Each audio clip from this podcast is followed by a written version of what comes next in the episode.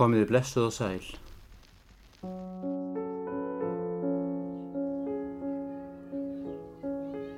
Skeggi Áspjarnarsson var kennari við lögunaskólan í Reykjavík í 34 ár, frá 1943 til 1977. Hann var líka einn umsjónamanna barnatímans í útvarpinu frá 1958 til 1972.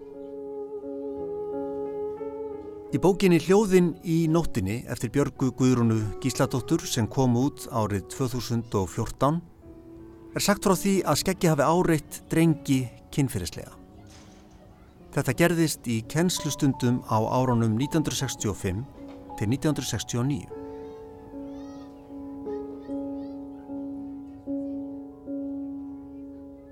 Þetta er það sem við vitum núna.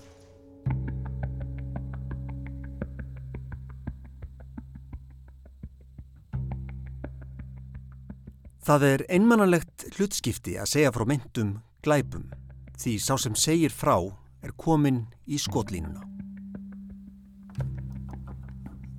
Skeggi Áspilnarsson, kennari og útvarsmaður var landsfrægur á síðustu öld, hálgerð stopnun út af fyrir sig. Það þótti sérstök upphefð að vera í skeggjabekk, foreldrar sóttust eftir því að koma börnin sínum að í bekk til hans.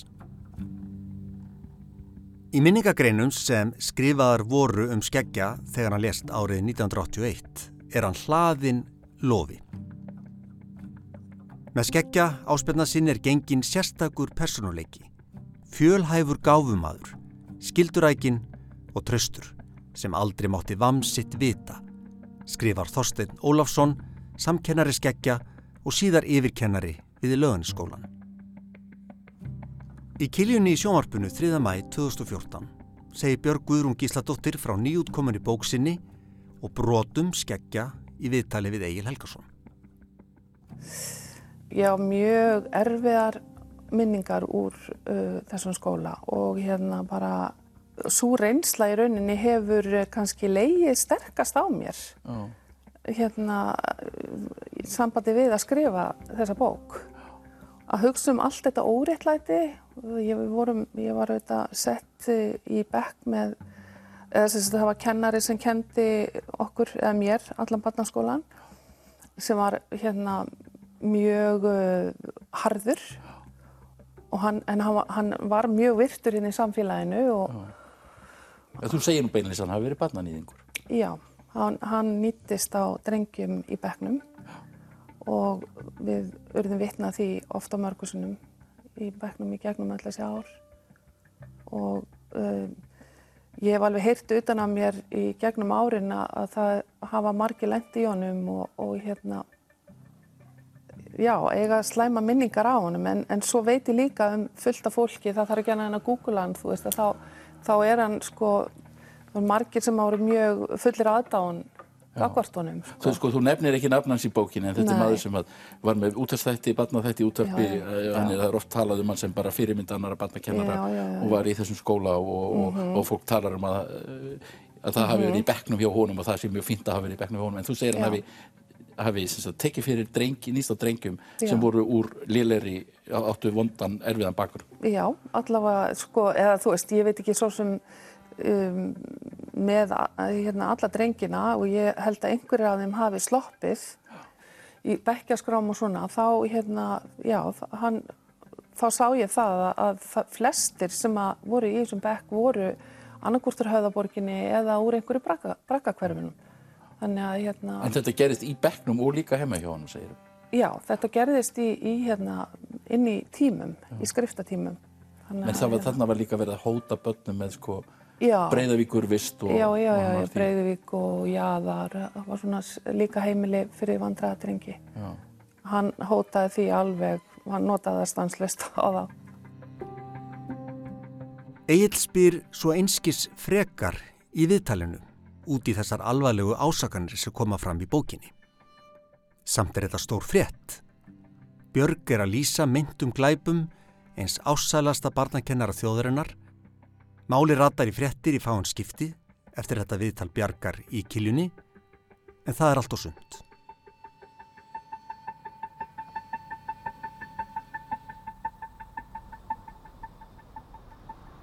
Ég er hérna við löðunarskólan Reykjavík á sumar. Engi skóli, júni. Má ég nota nafnið þitt? Á ég að segja Greta? Má ég segja fullt nafn? Eh, hafðu bara Gretar. Eh, þú veist, ég er alltaf með þetta grót í maðurinn að allir fóða að vita, þú veist, hvað skeiði hérna. Ég, ég hef aldrei talað um þetta nema við konunum mína. Ja, það er eina manneskjan sem hefur fengið að vita þetta.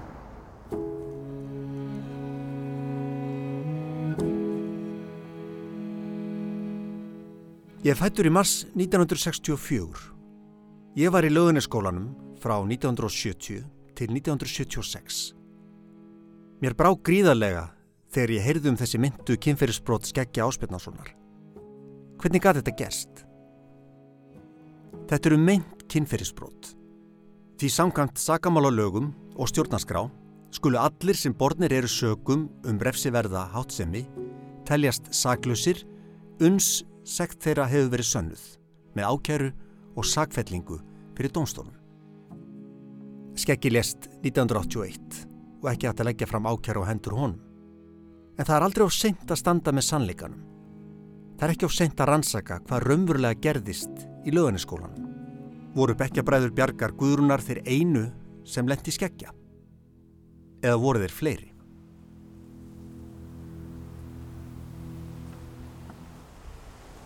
fyrir mér allavega þá hugsaði ég alveg veist, að þetta var uppreysna æru fyrir mig veist, ég, þetta trublaði mig upp á hvernig einasta dag að hugsa um uh, drengina sem voru í, í bekknum og það sem við horfum á í bekknum inn í tímum að þetta, veist, ég, það gerði mig alltaf svo ótrúlega reyða einhvern veginn að hugsa um það hvað hann komst upp með Það er þögnin sem þú rýfur og þar, mm -hmm. það er rosalega kjark í það mm -hmm.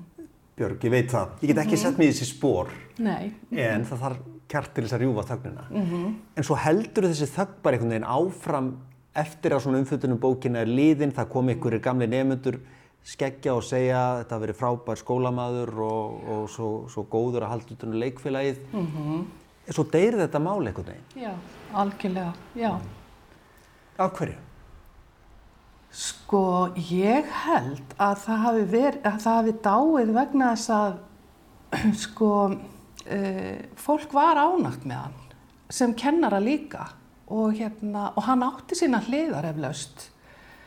Þetta var svona virtstofnu líka, löganiskóli var svolítið og hann var líka auðvitað innan rúf og þú veist þýtti þýttan, hann þýtti allavega einhver leikrit og, og hvort hann þýtti einhverja barnabækur og og þú veist, þú var með barnatíman og þú veist, þannig að hann var alveg virtur í samfélaginu og það vissu mjög margir hver skeggi var, ég minna það var ekkert sjómarp þarna, þú veist, kom ekki fyrir en ég var tí ára.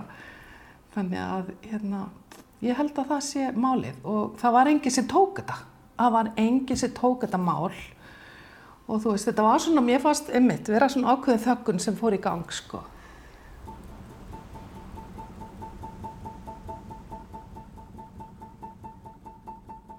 Það voru fáur sem tóku undir með Björgu Guðrúnum þegar hún segir frá þessum brotum skeggja í bóksinni.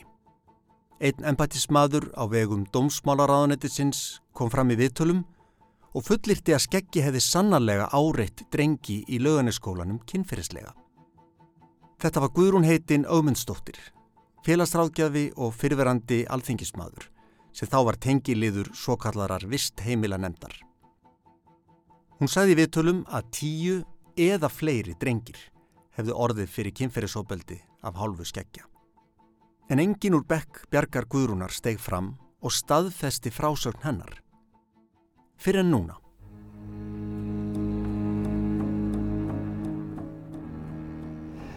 Ég ætla að byrja á að fá fullt nafn hjá þér. Sofja Guðbjörn Ólafsdóttir.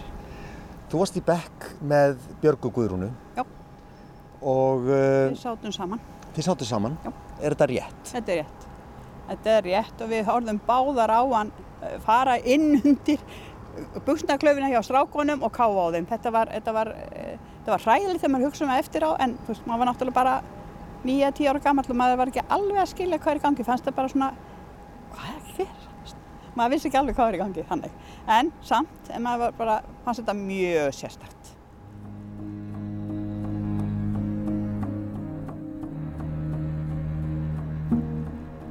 Þegar bókin hennar Guðrúnar kemur út þá vekur þetta einhvert umtal, svo gerist ekki neitt Já, nei, í nei, nokkur það ár. og uh, ég hef hitt fólk sem að rengir það sem hún segir, segir að, að skeggi hafi alls ekki gert þetta. Það má reynga ef við vill, ég meina þetta er bara það sem skeiði, hann var svona, hann var bara vippi viðbjör eins og ég myndi kalla hann í réttu nafni, en þú veist, mér er alveg sama hvað fólk segir. Hann var svona og hann mun aldrei, aldrei vera annað í mínum huga en algjör ógeðsluðu perri.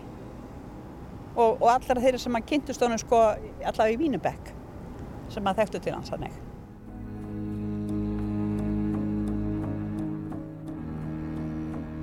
Einna bekkjarbræðum Sofíu og Bjarkar staðfestir líka frásagnir þeirra af kynferðisleiri áreitni skeggja. Þessi maður vildi ekki koma í viðtal. Þegar ég spurðan hvort skeggi hafi káfað á honum í tímum, svaraði hann því játandi.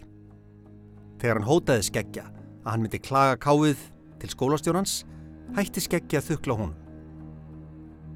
Urðu fleiri strákar í bekknum fyrir þessu ofbeldi? spurði ég. Já, svaraði hann. Skeggi káfaði á öllum strákonum í bekknum okkar. Það voru á bylunni 12 til 16 strákar í þessum bekk hjá Skeggja á árunum 1965 til 1969.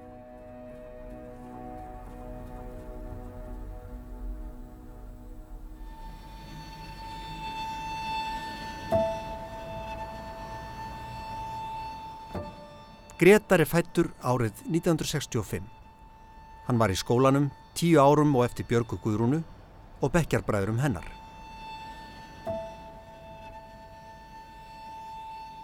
Þegar ég ringdi þið og baðið um að hitta mig að þá bauðstu mér heim. En ég sagði, við skulum kannski bara fara og vera við löganiskólan. Já. Og þið líður ekki vel með það. Hvernig líður þið með það núna? Sko, mér líður ágætlega en ég er svolítið dofinn. Þetta er skrítin tilfinning að standa hérna fyrir framann lögnaskóla eftir allt sem skeiði hérna. Til dæmis eins og stofan hérna á annar hæð, þessi þrýr glöggar. Þar var náttúrulega riðist á mig, hérna að skeggi. Hvað var það sem gerðist?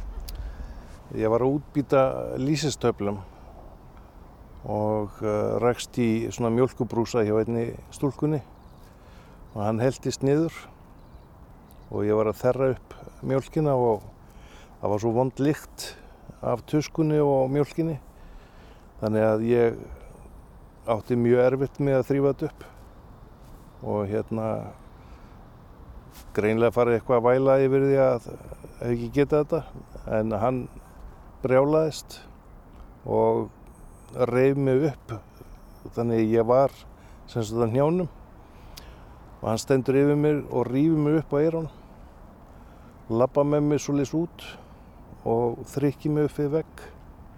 Og segir mér að býða hérna þannig að að hérna fríminútur koma þannig að ég bara lamaðist á ræðslu Er þetta tilfinningi sem þú finnur núna aftur, þessi, þessi sami ótti?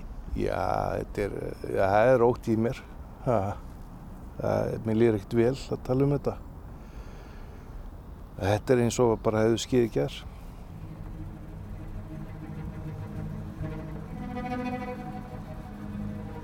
Það sem gerðist í tilviki Gretars í löganaskólanum á árunum 1974 til 1976 var að áreitið vestnaði til muna. Gretar var lesblindur og í svo kallum Tossabekk sem skeggi tók líka að sér að kenna. Svo var hann með enga tíma fyrir nefnendur sem þurft á því að halda. Hvenar fer skeggi svo að sína þér uh, áhuga? Það er eiginlega eftir að þegar ég sitja eftir og, og er látin sitja hérna sem sagt í enga tímum hjá skeggja við aðstofa okkur með lestur og slis. Eftir skóla þá er við, við erum nokkur hérna sem erum uh, hjá honum, sitjum eftir og hérna þá fara svona hlutin að ske. Hvað er það sem gerist þá í stofunni? Það er bara, það er káa á manni og, og alveg sama hvað maður, þú veist, maður náttúrulega bara er frosinn. Og hérna en þetta heldur alltaf áfram. Trekk í trekk til mann er komin til hans í lestra kenslu sko. Þá brítur hann alltaf á manni og svo vildi hann að maður kemi heim til hans. En ég, ég þorði því aldrei. Varstu einn með honum? Já, þá var, þá var maður orðin einn þegar brotin höfðu á sér stað. Já. Ég veit ekki hvort það er viðegand að spyrja en þú ræður hvort þú svarar. Er þetta að tala þá um hann hafi, eins og einn, uh, annar drengur hefur sagt við mig, eða maður sem var drengur á þessum tíma, hann hafi farið inn á hann, inn, á, inn í, inn í, inn í buksnavasan hjá honum og strókið honum. Er það svoleiðis áreiti sem þú ert að lýsa? Já, já, algjörlega. Fóru algjörlega inn undir buksuna hjá manni og, og svoleiðis strauk mann og, og bað mann að standa upp og, og fóru inn undir buksuna hjá manni. Lit maður standa við stólinn og þar var hann á bakvið og, og, og fekk sína útrás. Bara fróa sér þá? Já, sennilega, sennilega sko. Og bað mann að vera svolítið tíma og meðan hann var að, að þykla mann og, og svo lis. Svo oftast þegar hann var búið sko þá, þá var tíminn líkvið bara búinn. Það er hrikalegt að heyra þetta, Greta. Já, það byrjaði náttúrulega á kennslu fyrst en svo snýrist þetta fljótlega upp í þetta.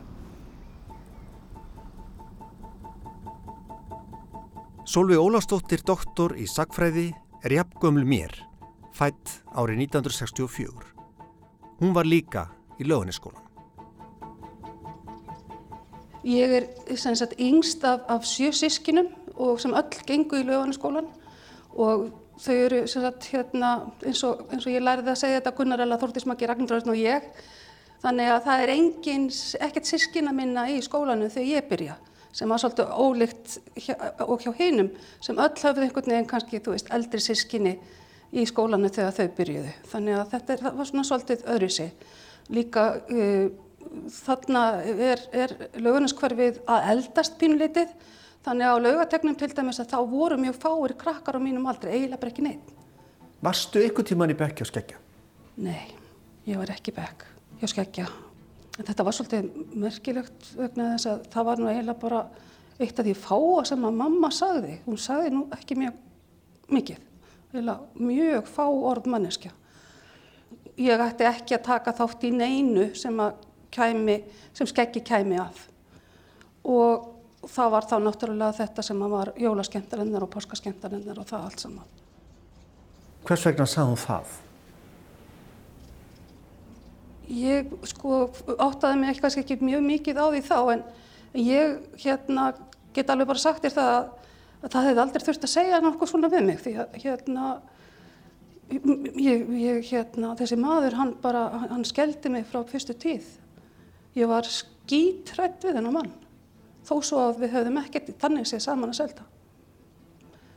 Og ég einhvern veginn hefði á tilfinningunni að, að hluti af því sé, að því ég er svona svona þólandi barnatráma bara í, í, í frumbönsku eða þannig að, að það var bara allur, sko, bara allt, bara mægin á mér og bara allt göttið sagði, þú veist, ekki koma nálagt þessu manni.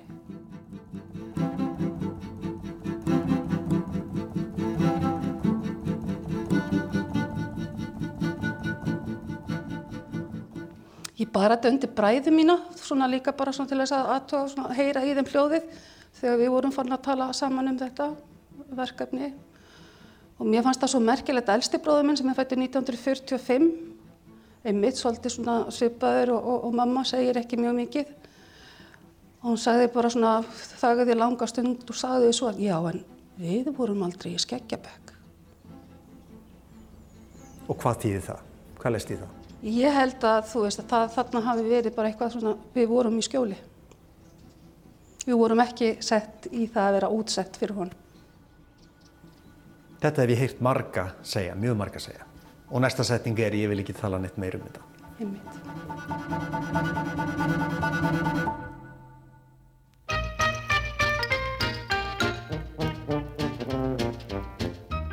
Komið blessuð og sæl. Skeggi Áspinnarsson starfaði sem lausráðinn dasgrárgerðamaður við útvarpið, Rás 1, um áratögarskeið. Við skulum byrja á því að hlusta á lag sem einu sinni var mjög vinsælt og er það reyndar enn. Það er söngur Káta Förusvinsins, Þískur barnakór syngur. Skeggi var gætna kynntur sem Skeggi vinur barnana þegar hann var einn af umsjónamönnum barnatímans í útvarpinu. Í þá daga var aðeins einn þáttur sítiðis á sunnudugum ætlaðu börnum í útvarpinu.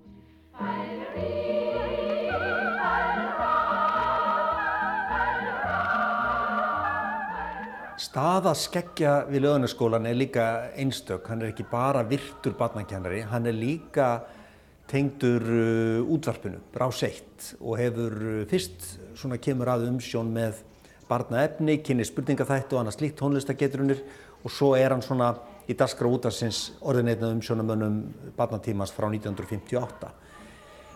Og þetta gefur honum ótrúleg völd í raun og veru. Hann er svona eins, svona, eins konar fulltrúi fjórða valdsins líka í skólanum. Nákvæmlega. Þarna finnst mér svo merkilegt aftur að því nú gekk útvarpið heima hjá mér allan daginn. Ég meina, mamma var heimavinandi og, og, og, og útvarpið er bara soundtrackið í mínu, minni barnesku en það var aldrei hlustað á barnatíman þegar skekki var með hann. Ég man eftir að hafa hlustað á Helgu Valdísdóttur lesa Bánsimón, sem er á söpum tíma, en hitt kom aldrei, sko, bara, það, það var bara slögt. Skekki er með rockstjörnu status eiginlega. Já. En ekki á þínu heimili? Ekki á mínu heimili.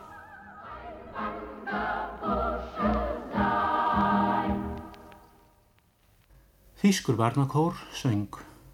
Hér er nú stödd Óluf Jónsdóttir, vinkona okkar, og ætlar hún að lofa okkur að heyra eina af sögunum sínum. Lísa á Amali. Ekki brá hanninn vana sínum, hann stóð á öðrum fætinum og galaðins hátt og hann gat og reyði sér mikinn fyrir allar aldir. Þegar bók Bjarga Guðrúnar kemur út fyrir 8 árum, hafður eitthvað tíman sett skeggja samansamverki millir skeggja og kynferðisbrota eða frekar skeggja sem strangs og, og svona óvægins kennara frekar? Ég held að ég hef aldrei ekki vitað þetta. En ekki það að það hafi verið farið með, með þetta með einhverjum orðum. Þetta er miklu meira eins og maður bara, þú veist, það býmaði frá honum þetta sem ég vissi að var í raun og veru eitthvað sem fór yfir mörg. Eitthvað hættulegt? Eitthvað hættulegt. Og það var ekki, það, það, voru, það voru menn þarna og kennara sem voru strángir. Ég meni, ég horfið á einn, uh, fleia, fleia einum bara út í vegg af því hann ekki nógu, stóð ekki nógu beitn í morgunsöng. Þú veist, ef við segjum að það hafi verið stránt, ég veit það ekki, en en, en, en, það, það býmaði ekki þessi, þessi, hérna, þessi ílska frá, frá, frá honum sem aftur á móti gerði frá þessum manni sem aldrei brosti.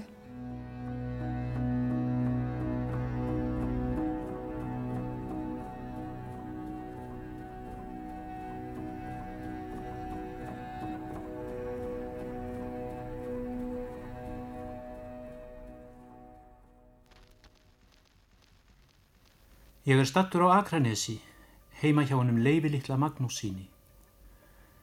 Það er liðið á sumar og degi tekið að halla. En samt skín sólinn ennþá, björt og hlý, eins og hún hefur gert daglega í sumar um mikinn hluta landsins. Ég litast um í stofinni og virði fyrir mér húsmunni og myndir. Gullin sólar geysli fellur á eina myndina og mér verður sérstaklega starfsýnt á hana. Hún er á hann um leifi. Ég er enn að virða fyrir mér myndina þegar leifur kemur inn í stofuna. Hann hilsar mér og gengur síðan örgum skrefum að legubeknum og sest. Mig langar til að vera skemmtilegur gestur og hefja fjöruar samræður. Hvernig væri að byrja eitthvað á þessa leið? Líkt á hvernig sólargeislinn leikur sér við myndin af þér. En ég átta mig fljótlega fyrir að tala um aðra hluti. Svo örug og festuleg er framkoma þessa duglega 13 ára drengs að ég glemdi því í svip að hann er blindur og hefur verið að síðan hann var átta ára. Marga hef ég þekkt sem hafa æðrast út af ímsu sem viðkallum smámunni og gætu þeir mikið lært af leifi.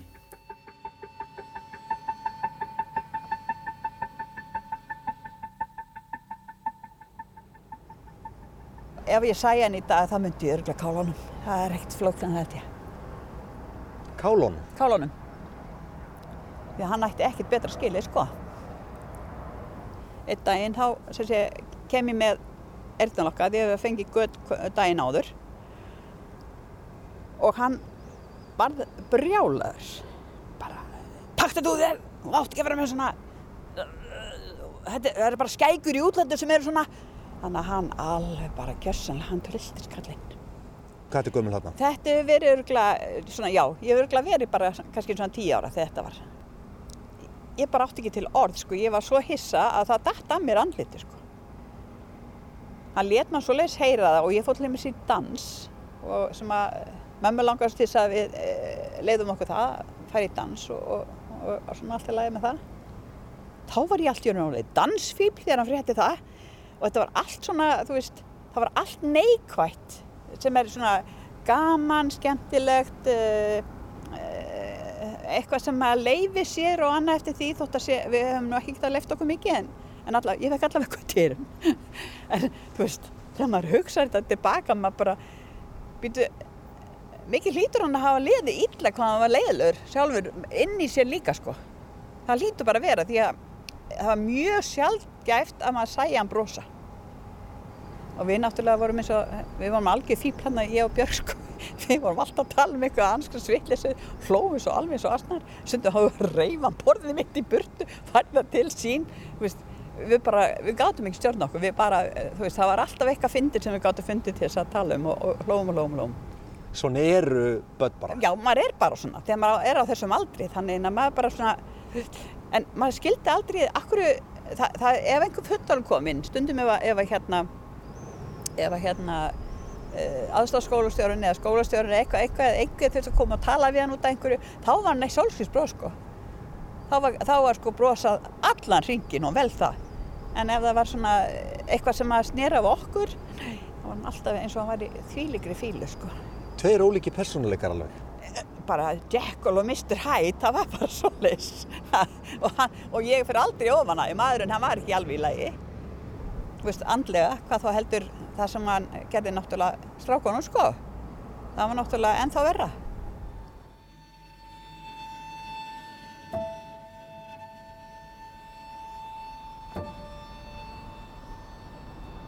Ég var upp í, í stofa átjám hérna, beint fyrir ofan, hjá Ástísi gömlu. Já. Ástís Jóhannesdóttir. Já, varstu hérna á þriðjæðinni? Já, ég var hérna uppi. Já. Já, ég var að labba eitthvað hérna. Já, ef þú treysti þig til. Já, já. Líður betur aðeins? Nei, ég er rosalega hérna skrítin í fótunum. Ég er allir dofinn, sko, það er eins og ég veit ekki. Hefur þú komið hérna nýlega? Það er ekki fimm ár síðan að var ég að labba einmitt og var útskýra fyrir konun minni hvað hefði skeið hérna. Og hérna. Hvernig var að tala við hana um þetta? Það var óla þægilegt út af hún síndi mér mikið skilning og, og hérna, en það var náttúrulega það sama, veist, grjót í maðunum eins og er núna. Þetta er rosalega skrítið, skrítið tilfinning. Þú ert einu ári yngri en ég.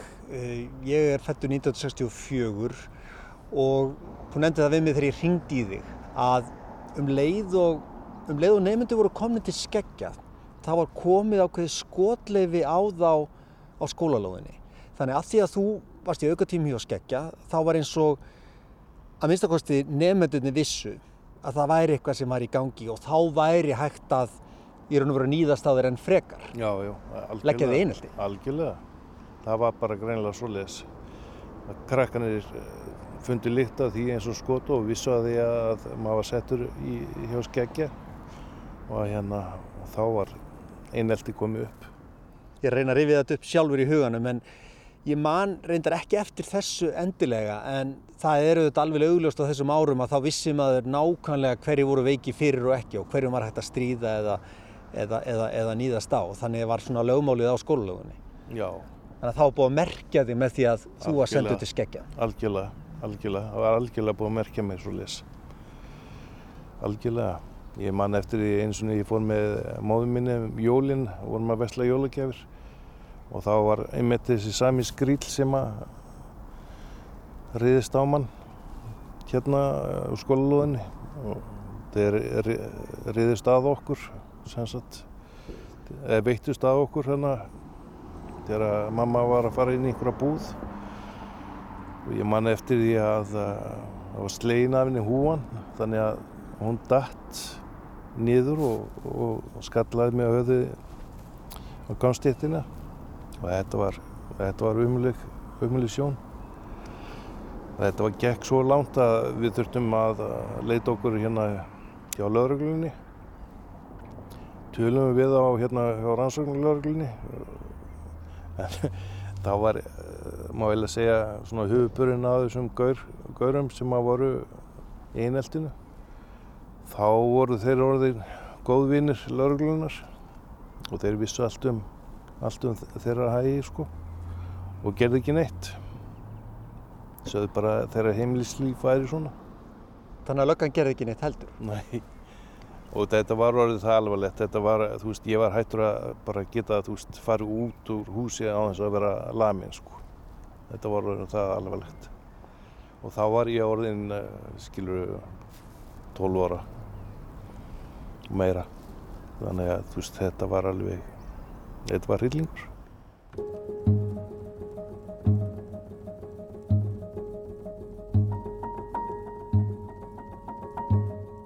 Allt skjálasafn löðniskólans var flutt á Borgarskjálasafn Reykjavíkur árið 2006 vegna framkvæmda við viðbyggingu skólans. Í safninu eru samkvæmt skjálaskrá alls konar gögn, myndir, bref og annað efni úr skólastarfinu frá því skólinn tók til starfa árið 1935. Ég byrjaði að skoða safnið í bara byrjun júni á þessu ári, 2022 nú hef ég sko bara uh, lifað og hærsti í skjala skrám og, og skjala söpnum bara síðustu 30 ára eða eitthvað líka, bæði sem bara starfsmaður þjóðskjálasafnsins og náttúrulega bara hef, hef ég stundum rannsóknir sem eru byggðar á gögnum úr skjálasöpnum. Ég hef alltaf verið að vinna með frumheimildir. Þannig að þetta, þessi skjálaskrá, lögunaskóla, hún vekur aðtekli fyrir mig á mörguleiti. Þetta er náttúrulega hefbundið dót sem er í þessu, það eru fundagerður og bref og ljósmyndir og bekkjamyndir og svona þetta sem er kallað eru klattar. Það er náttúrulega það sem ég hafði mestan áhuga á að komast í, voru bæði bara uh, sko brefasafnið, sem sagt bara bref til og frá lögunaskólunum, sko, skólastjóra, yfirkennar og svo framvegis og svo þess að klatta til að vita í raun og veru hverju voru í bekk hjá skeggja.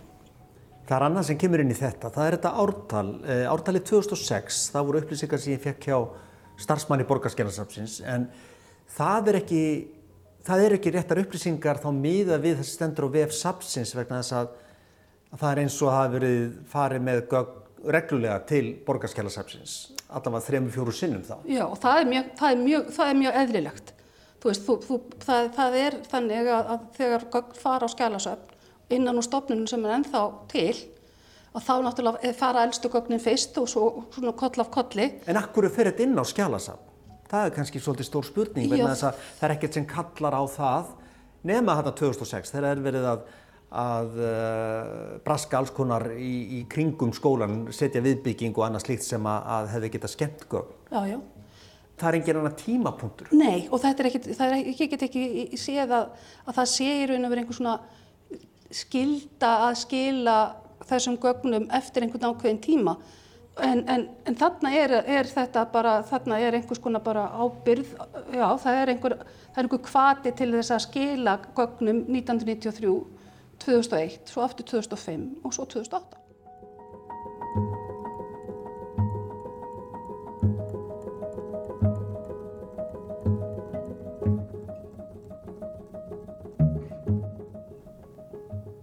það sem er í skjálasafni það segir ákveðna sögu. Já. það sem er ekki í skjálasafninu segir líka ákveðna sög og ástæðin fyrir því ég bað þig að fara að rannsaka þetta skjálasafn er einfallega svo er eitthvað í þessu skjálasafni löðaniskólans þar sem er talað um meint brot skeggja áspildanssonar á drengjum, hvörtun, einhvers konar áminning, eitthvað slíkt? Sko það kæmi mér á óvart af eitthvað svona algjörlega sko beinhart eins og hvörtun, bara, þú veist, hvörtunabref, lægi þar. Fundir væri þú ekki skráðir sem voru haldnir um þetta mál? Og líka það þegar þú ert sagt, ferð fyrir kannski hönd batsins þíns og kvarta undan kennara sem gerir svona, þá ferð það fram munlega. Þú mætir í skólan, færð að tala við skólastjórað yfirkennara og þá er það undir hælinlagt hvort það sé skráð. Þetta er nefnilega svona viðkvæmt mál. Og þetta sem að fer fram í, í hérna fer fram í raun og veru í svoleiðist tali, þú veist, bara maður og mann eða þetta, þú veist, það, það, það er ekki, það er ekki, það er með sagt að það endi í skelasafnu. En ef það var ekki skráð, Já. þá gerðist það ekki? Það er líka það.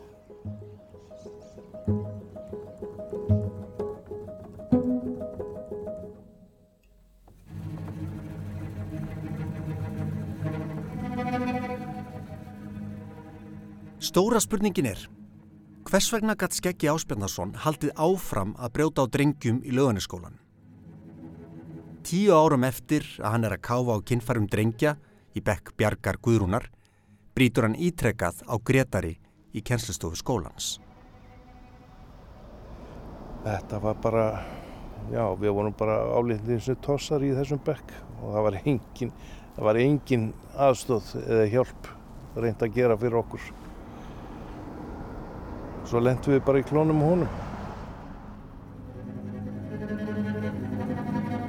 Ég vitna hér aftur í minningagreinina sem Þorstein Ólafsson, samkennari skeggja, skrifar í tíman í ágúst 1981.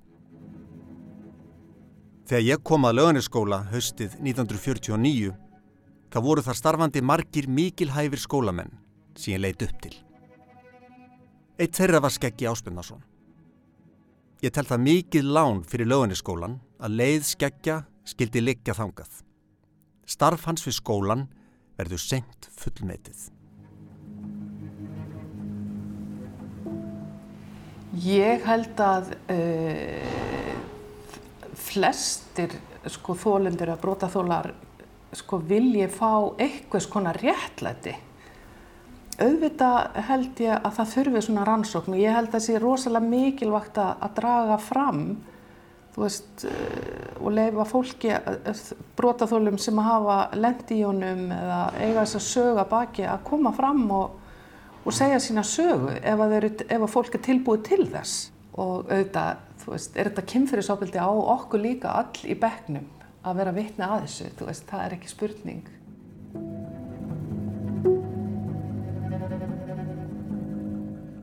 Ef hlustendur hafa einhverjar frekari upplýsingar um þetta mál, þá vil ég gætna heyri ykkur. Það er hægt að senda post á torstitnjóð.simnet, ég er líka á Facebook. Rétti tíminn til að segja frá og tala um þetta mál, þótt að sjóþægilegt, er núna. Þeir sem hafa orðið fyrir kynfyrirsóbeldi og vilja leita sér hjálpar, geta leita til stígamóta, ráðgjafar og fræðslumiðstöðar sem vinnur gegn kynfyrirsóbeldi.